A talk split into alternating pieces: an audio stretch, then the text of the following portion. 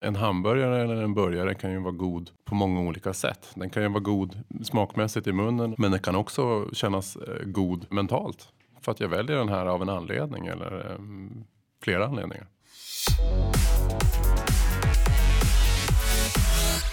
Kan man verkligen marknadsföra en snabbmatskedja med hållbarhet som fokus? Jo, det verkar så.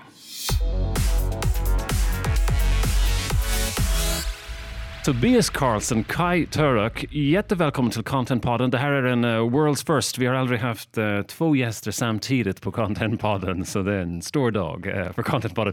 Jättevälkommen till podcasten. Um, först, självklar fråga, vad är din favoritburgare? Ska jag börja med det? det jag, just nu är min favorit uh, Crispy No Chicken. Uh, som absolut inte innehåller kyckling. Okay. Det är ju ett väldigt roligt namn för en burgare. Det är, ett, det är ett namn som sätter fingret på uh, vad, det, vad det faktiskt är och vad det liknar. Men, ja, fast men, det berättar bara vad den inte är på något sätt. Fast den, vad den smakar antagligen. Exakt, ja. exakt. Vad man kan förvänta sig i textur och, och smak. Vad finns i den då? Det är en, en sojabaserad burgare. Okay. Eh, som, är, som är 100% vegetabilisk då, eller växtbaserad. Kai? Jag har en spicy avokado halloumi och det är förmodligen väldigt otaktiskt att säga det just nu för att det är en kampanjburgare som man just nu inte kan köpa på Max. Okay. Men eh, man kan få välja, den kommer säkert tillbaka, den säljer väldigt bra. Hur ofta äter du på Max? Um, ofta. Ja, det blir nog en uppåt tre gånger i veckan tror jag faktiskt. Okay. Och för din del Tobias? Eh, ja, men en, två gånger kanske. Skulle jag gissa. Skönt, jag vann lite kändes det som. Grattis. Men, men det är faktiskt en fråga, det är intressant. Hur ofta äter folk på, eller fast food generellt sett i Sverige? Jag, jag, jag, tror att om man frågar människor så, så uppger de någonting. Eh, och om man mäter så ser man något annat. Eh, en av de vanligaste kommentarerna man får när man jobbar på Max det är eh, Ja men nu äter ju inte jag hamburgare så ofta. Men om jag gör det då väljer jag Max. Tänk om man hade fått en krona för varje gång man hade hört just den. exakt. Ni kanske får kronor ändå från alla de som faktiskt går in och köper den då. Ja, absolut. Men berätta lite om Max, därför att ni har haft en väldigt intressant resa under åren sedan 68 tror jag att det var i, i början. Lite mm. bakgrund. Nu har inte varken jag eller Kaj varit med på hela resan, men, men det är ju faktiskt så att jag, jag, jag jobbade på Max, eh, Eh, sommarjobbade för 30 år sedan och då fanns det nog bara fyra Max. Så att lite har jag ju varit med. Eh, sen har jag gjort en massa annat emellan. Men, men resan för Max eh, börjar började ju i Gällivare 68, så vi firar faktiskt 50 år i år. Med en, en, en grillkiosk kan man säga. Eh, men också med en väldigt eh, innovativ och driven eh, grundare i Kurt Bergfors eh, som hela tiden har jobbat för att göra det bättre eh, i detaljer och allting och sen, sen organiskt egentligen växt sen dess. Och från början var det ju en, en, eh, en lokal affär kan man säga.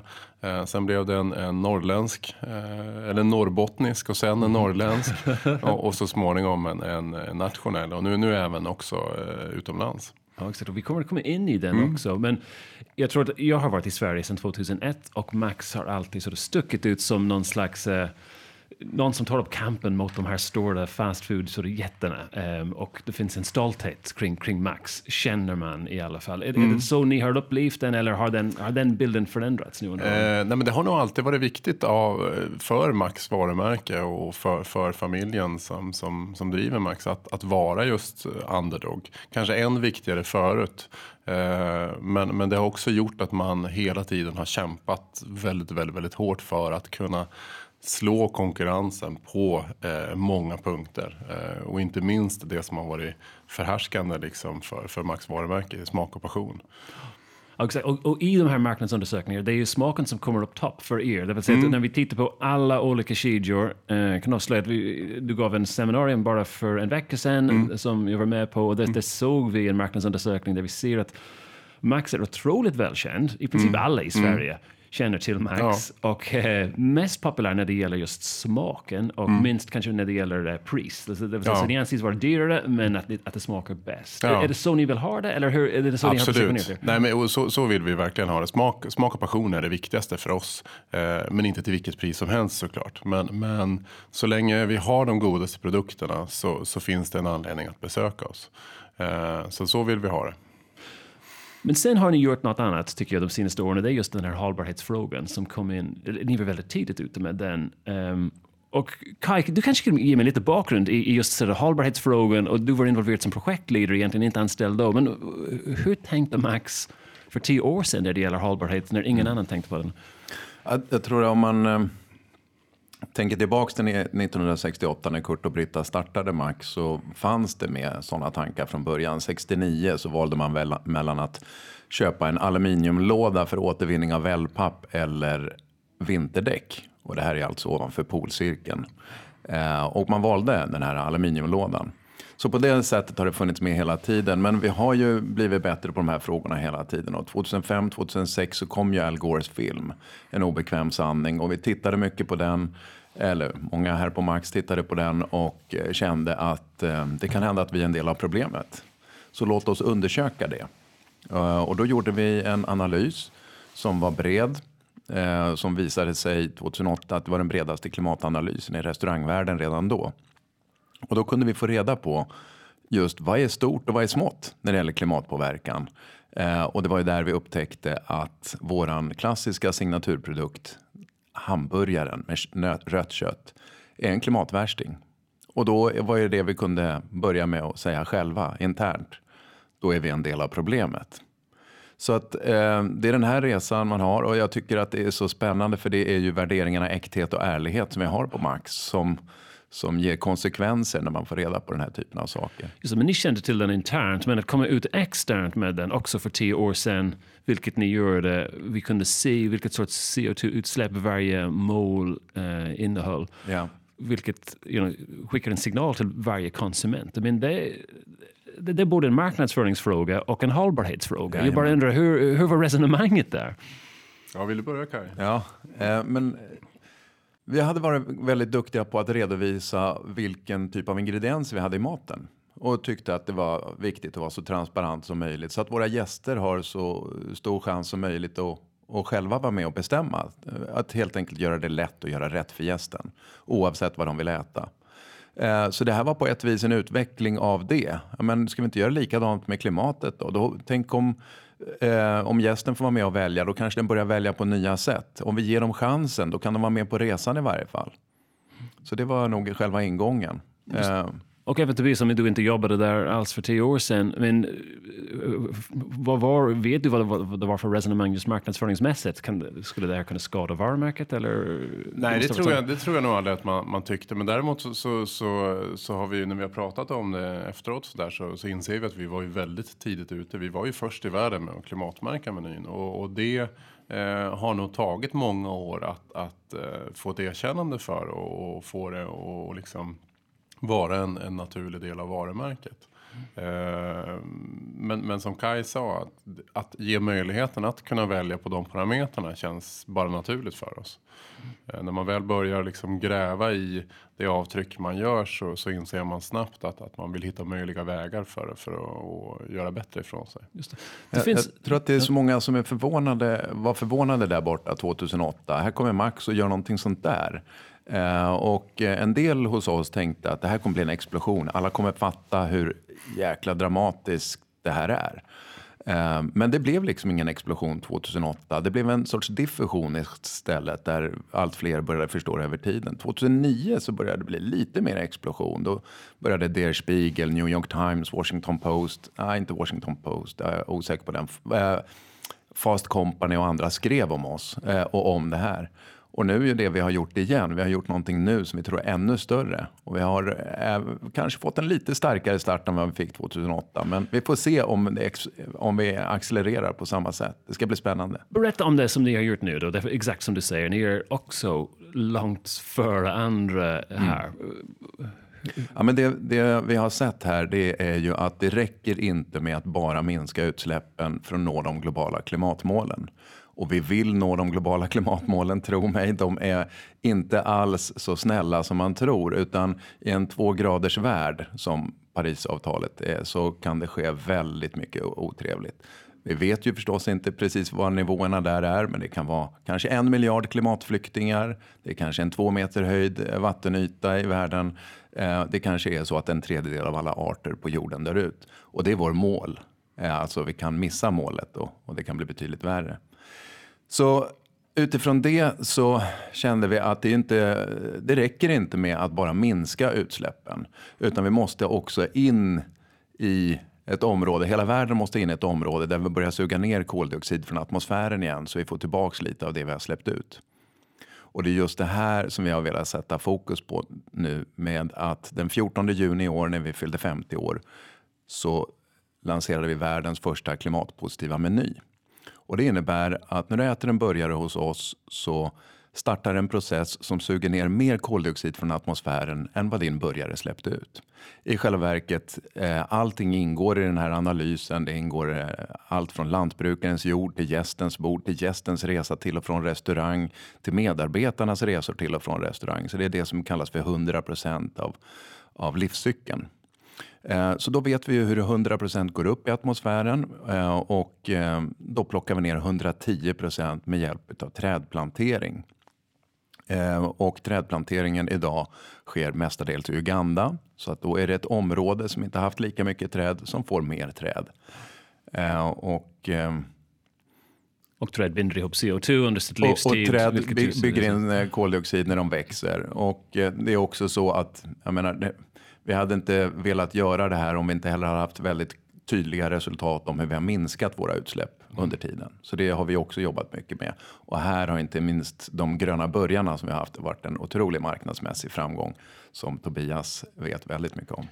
Just det, därför att en sak är att, eh, att sort of klimatkompensera det ni har gjort, men man måste ändå eh, kommer ner i utsläpp också, eller hur? Det måste vara ännu viktigare. Absolut. Sätt, ja, jag tror att om man, om man bara ska göra en sak, eh, om man ska minska utsläppen eller binda utsläppen, ja men då tycker jag att man ska minska utsläppen. Men om man har chans att göra båda, då gör man ju mer.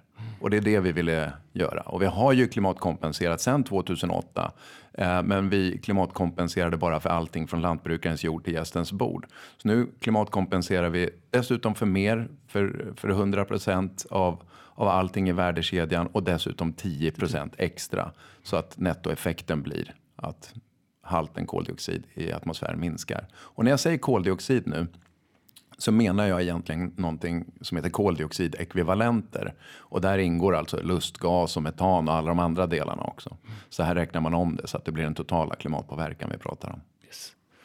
Marknadsföringsmässigt eh, känns det väldigt relevant idag att prata om, om sånt här. Och jag bara är intresserad av hur ni också resonerade internt. Var det mest från den här hållbarhetsvinkeln eller kände ni, vänta nu, vi kan faktiskt göra någonting gott, men också det kan hjälpa varumärket och, och hjälpa till och med vår, vår tillväxt? Of, you know, ja, men jag skulle säga att för, för oss så känns det självklart att göra det Alltså göra schyssta affärer.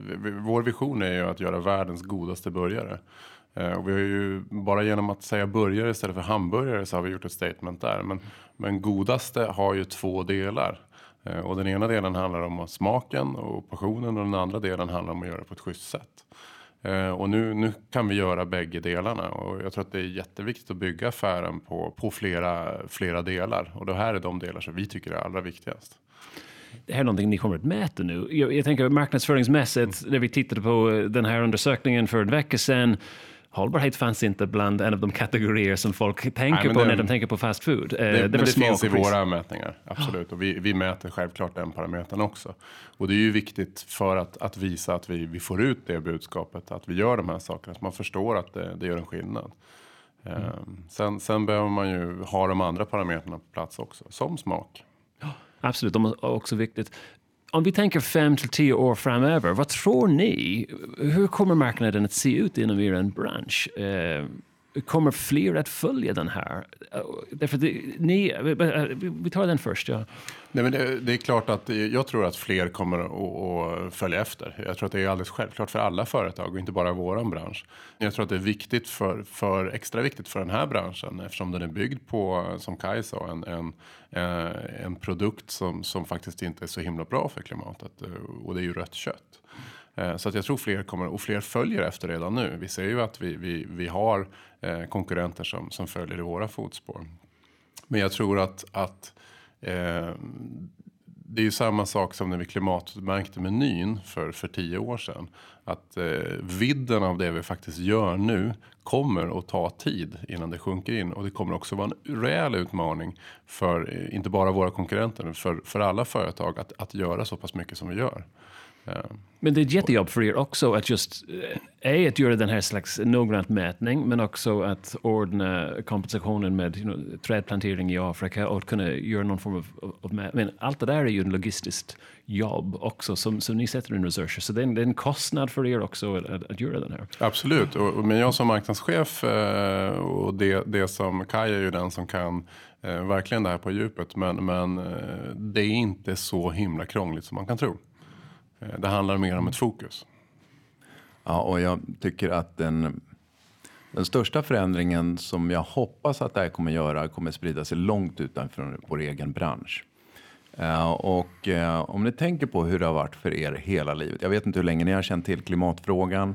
Eh, eller du, men eh, jag, första gången jag presenterade kring klimatet var 1991, 27 år sedan. Och sen dess har jag ju tänkt hela tiden att jag vill vara med och vara en del av lösningen. Och ändå är det så att i, i min vardag, varenda grej jag köper, eh, service jag använder, eh, mat jag äter, så är jag en del utav problemet. Jag är del av att paja världen. Och för alla er som har barn eller så, och börjar tänka på eh, hur det är att vara förälder och att i vardagsbesluten bli tvingad att förstöra framtiden för sina egna barn. Det är en orimlig tanke tycker jag och vi ska inte behöva vänja oss vid den. Och så det som Klimatpositiv kan göra om vi får väldigt många företag i framtiden att hänga på, det är att vi inte ska vänja oss vid att antingen så köper vi saker som är jättedåliga för klimatet eller bara lite dåliga. Utan nu kan vi börja inleda en revolution där vi köper saker som är bra för klimatet. Och gör vi det, då kan vi förändra hela berättelsen kring klimatförändringarna. Så tänk att du vaknar upp i din säng en morgon som är klimatpositiv. Du drar på dig din morgonrock som är klimatpositiv. Du borstar håret med en klimatpositiv borste. Och så är du en klimathjälte innan du har fått i dig din morgonmüsli. Det skulle kännas ganska bra, eller hur? Absolut. Sen tänker jag det finns en långsiktig grej, like hur mycket yta det finns på jorden och hur mycket trä man kan plantera på jorden för att kunna kompensera. Det vill säga på något sätt, ja. den, den tar slut också. Exakt när vet jag inte. Men, um... jag kan svara på det, vi har räknat på det. Uh, så att vi kommer inte kunna svara på det exakt, men vi vet att åtminstone 10 procent av alla de antropogena utsläppen, alltså alla av människans utsläpp, kan balanseras av att plantera skog. Uh, och det är för att vi har tagit bort så otroligt mycket skog. Alltså de senaste tusen åren har mängden vegetation i världen åtminstone halverats. Så där har vi väldigt mycket kolfällor som vi kan ha, eller kolsänkor. Men det finns massa andra tekniker som dyker upp också. Det är biokol och lägga fast det i jordbruksmark. Och, eh, det finns sånt som heter DAC, Direct Air Capture. Man plockar koldioxid från atmosfären och så trycker man ner under jorden. Så det här är ett ny, helt nytt teknikområde och vi vet inte precis hur mycket vi kan suga ner av koldioxiden från atmosfären. Så det, jag tror att det är lite grann som solceller eller vindkraft är. Eh, eller var för 30-40 år sedan. Att om vi satsar på det här nu och blir riktigt duktiga på det, då kan vi ju klara av klimatfrågan. Och det är också en av de intressanta sakerna med våran klimatpositiv. Det är att vi med det här hjälper till att skapa en marknad för negativa utsläpp som de här heter när man, när man drar ner det från atmosfären. Eh, och kan vi hjälpa till att skapa den nu, ja men då kanske vi får de där lösningarna i framtiden som vi behöver superintressant att ha den här sorts kompetens i en fast food-kedja som Max tycker jag. Det är fascinerande.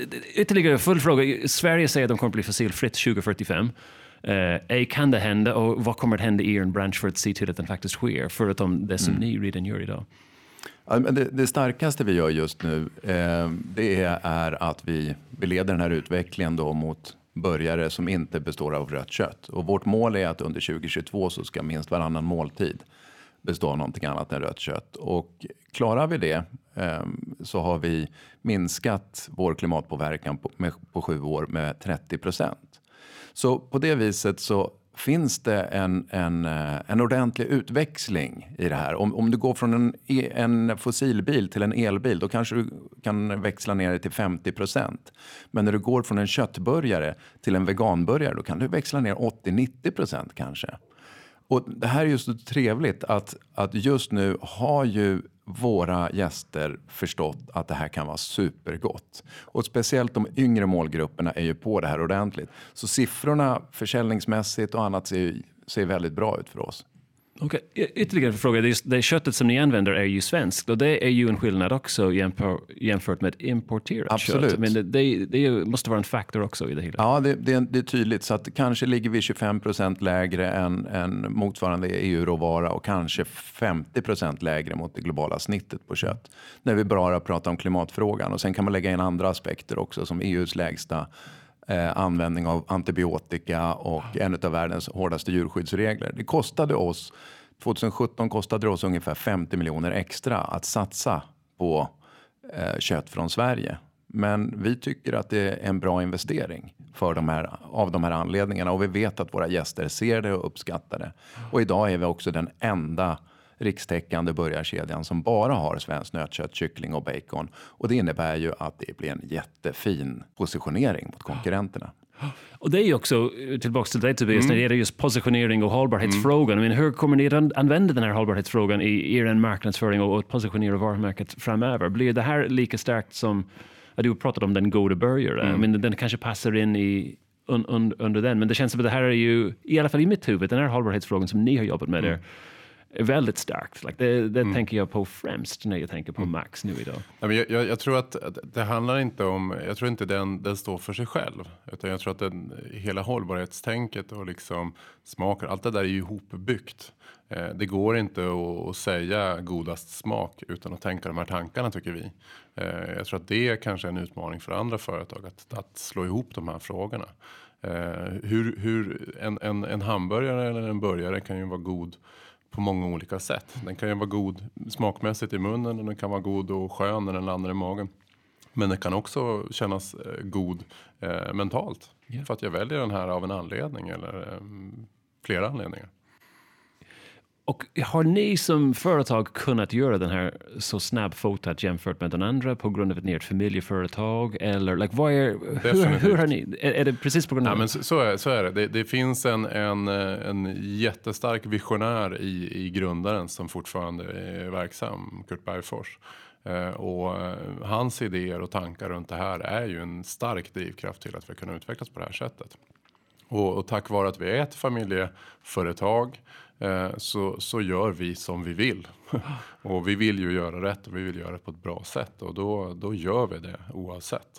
Eh, inte såklart till vilket pris som helst men, men eh, vi kan vara mycket, mycket, mycket långsiktiga i det vi gör. Är det den största fördelen med att vara sort of marknadschef på ett familjeföretag? Därför jag kan tänka mig att det finns nackdelar också. Jag är jätteintresserad av ja, pros and cons. nej, men det är, det är ju självklart så är det ju en, en enorm fördel.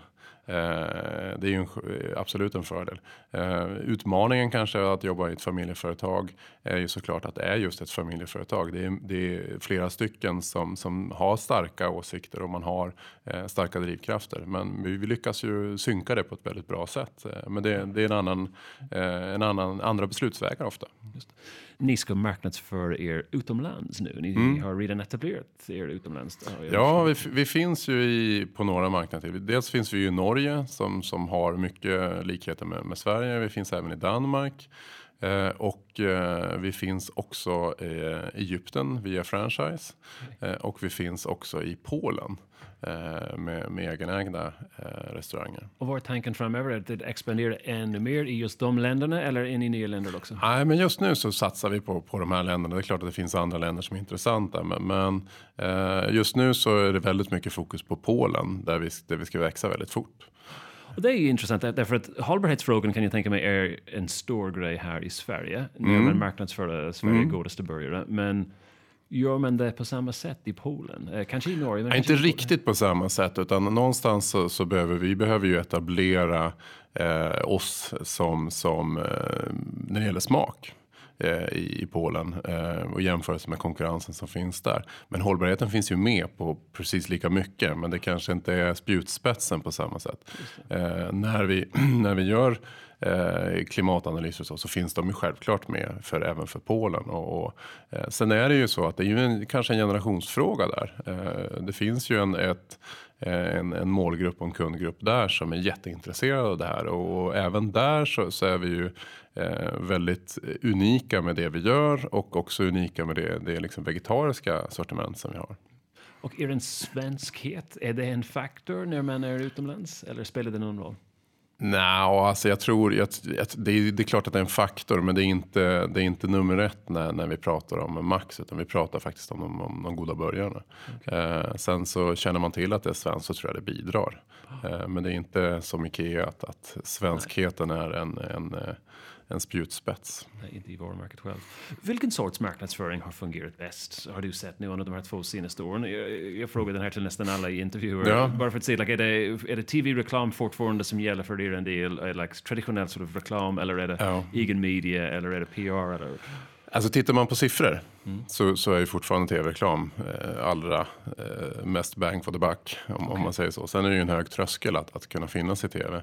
Men, men eh, kanaler gör ju olika saker. Eh, och för oss är det väldigt viktigt att sprida det på det sättet för att, att nå eh, alla delar i målgruppen.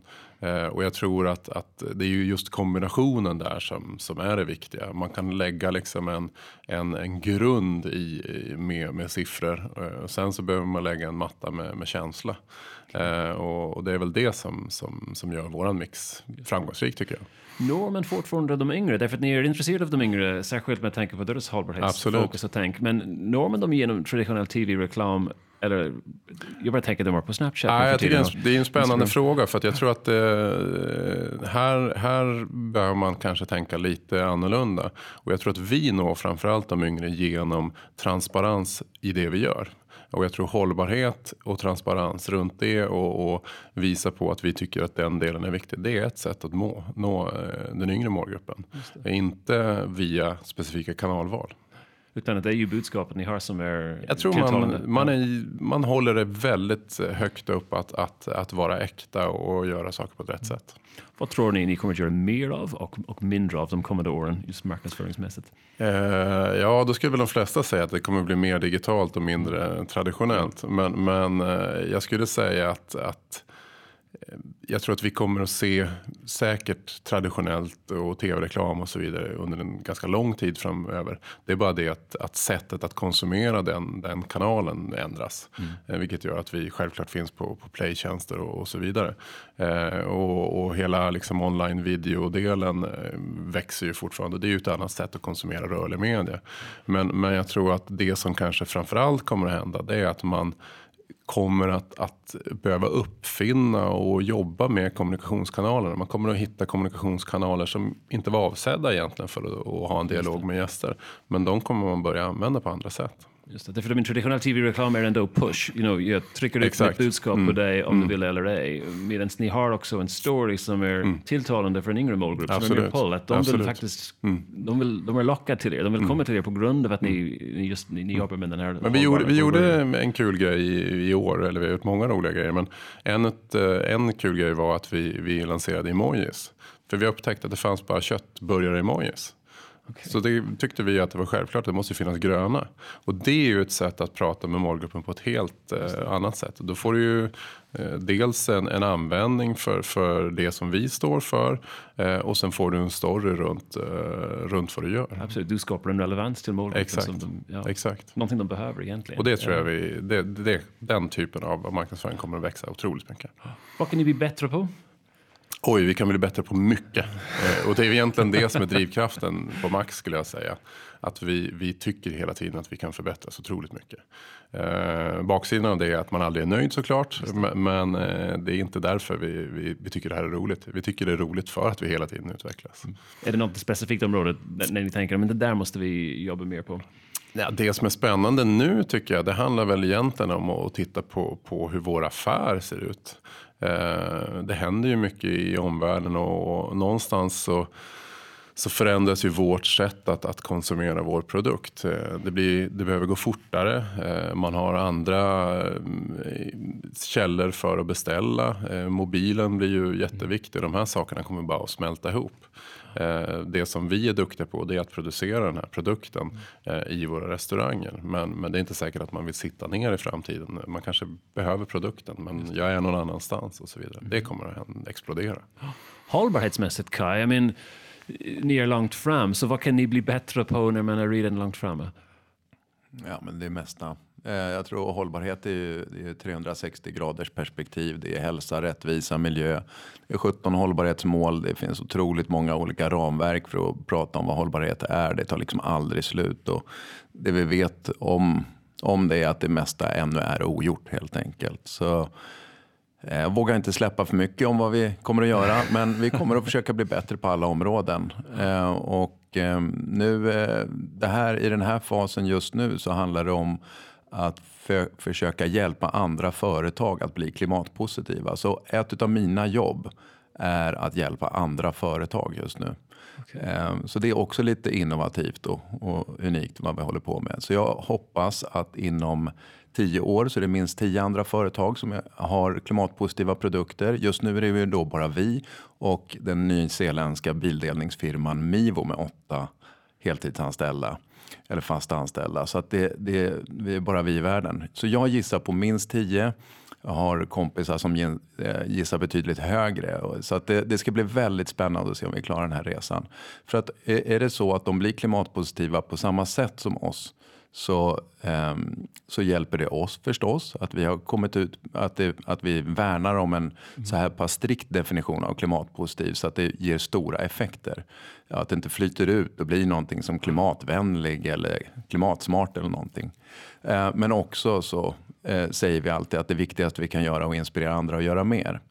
Så att jag tror att det, om du frågar vad vi kommer göra imorgon så är det mer av det. Vi kommer göra mer saker som är tillräckligt intressanta, hoppas jag, så att andra kommer vilja titta på oss och säga om Max gör det där, då måste det vara bra. Coolt. Vad, är största utmaningen då i ditt jobb idag, Kai? Det är att eh, det är eh, personlig planering. Okay.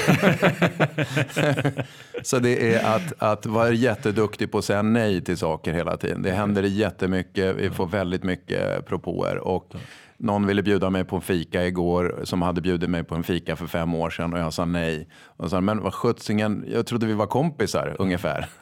och så, men, ja, alltså, vi hade det jättetrevligt sist men jag får inte ihop det. Ja. Jag, jag, måste gå upp en timme tidigare på morgnarna om jag ska ta en fika med dig. Eh, så att det är väl lite så. Men okay. det, det, är väldigt kul. För din del Tobias, eh, din utmaning marknadsföringsmässigt, vad var det största sort of marknadsföringsutmaning för, för Max nu framöver? Ehm, just nu eh, och, och säkert det närmsta året så är det egentligen att förstå vad klimatpositiv betyder. Eh, det är en sak att säga att, att eh, hela vår meny och hela vår verksamhet är klimatpositiv. Vilket betyder att för varje tugga du tar så blir faktiskt klimatet bättre. Men, men eh, det, det gapet mellan de två sakerna. Att säga att någonting är klimatpositivt och att, att något förbättras. Det behöver man förstå bättre. Ja. Och det är en rejäl bit att, att En hyfsat lång i. förklaring som krävs för att kunna Det krävs en, en lite längre förklaring samtidigt som det, det, effekten finns ju där. Vi kan ju säga att effekten finns där. Men, men jag tror att, att jag tror människor eh, behöver förstå lite mer för att man ska förstå storheten i det och att man ska också börja, börja se sig om efter andra produkter och andra företag som, som gör det här. Just det. Rolig fråga tycker jag. Berätta om ditt största misstag som marknadsförare oh. under alla dina år. Eh, jag har gjort många misstag. Jag tror att, jag tror att det, det, är väl en del av att lyckas. Eh, som man alltid brukar säga. Det är lite, lite klyschigt då. Men, men jag har väl gjort Eh, jag släppte igenom en reklamfilm på ICA där, där Ulf bet i en rå kyckling vilket vi tyckte var lite roligt. Men, men det var många som tyckte det var oroligt. Okay. Eh, så okay. den, den, den, fick vi eh, mycket, mycket med reklamombudsmannen att göra. Okay. Jag har även skickat ut eh, bonuscheckar när jag jobbade på Polon och Pyret som, som var helt fel. Okay, okay, eh, så det fick bli en julklapp till, till kunderna. Okay. Så att det har hänt en del genom åren. Eh, Men det är ju ändå det är någonting du kommer in på som du har nämnt tidigare. Det, det handlar om just att, att våga. Man måste, därför att ni sticker ut Max tycker jag. Och det, det handlar om att eh, du som marknadschef måste se till att Max sticker ut och det måste finnas en acceptans ja, i Max att man, man får göra det. Så, like, Absolut. Hur, hur, finns det en kultur här eller är det... Ja, det är finns du? en kultur här som är, som är så stark så att min roll som marknadschef är nog snarare att vara broms. Eh, för att eh, om, om vi skulle eh, springa på alla, alla bra idéer och liksom spännande idéer så, så skulle det kanske bli lite för spretigt och, och så vidare. Eh, och jag brukar prata om att det, det är viktigt att vara modig och jag tycker att Max är ett modigt varumärke.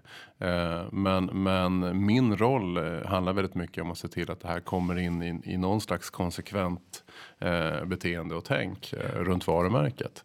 Eh, så att eh, det, det, finns, eh, det finns att ösa ifrån när det, kommer till, till häftiga och modiga idéer. Kul att höra. Eh, Största framgång då som marknadsförare? Har du haft någonting du varit stolt över som du har lärt dig någonting från? Ja, den har jag inte funderat så mycket på den. Vågar svara på nej. Nej, jag har inte funderat så mycket på det, men, men vi, jag, jag tycker ju...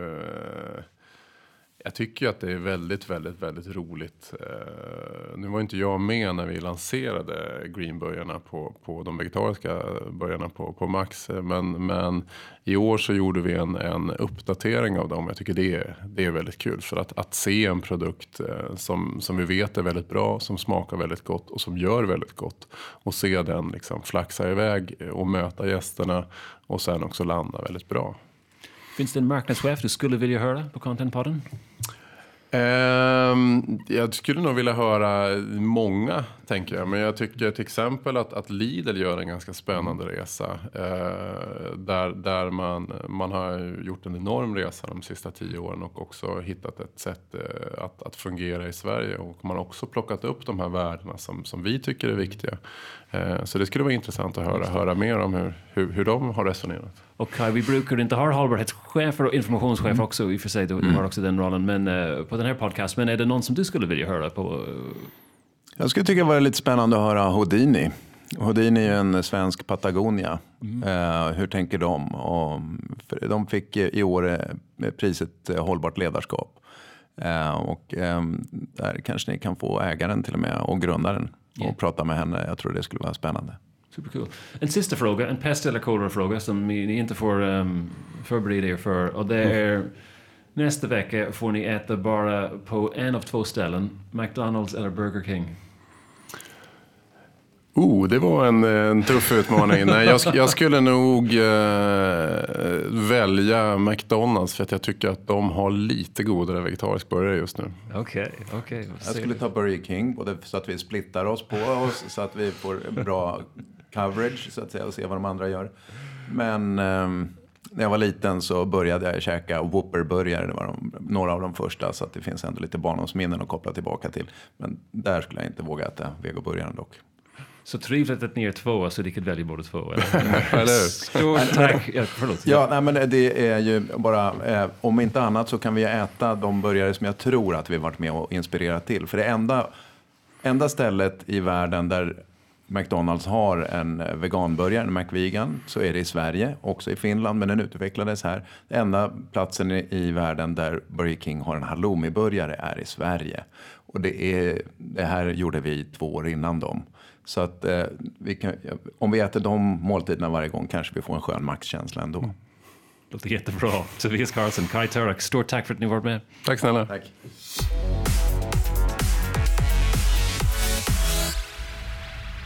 Contentpodden kommer från contentbyrån Breed.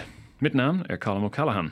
Och du hittar oss på LinkedIn, Twitter och breedcontent.se.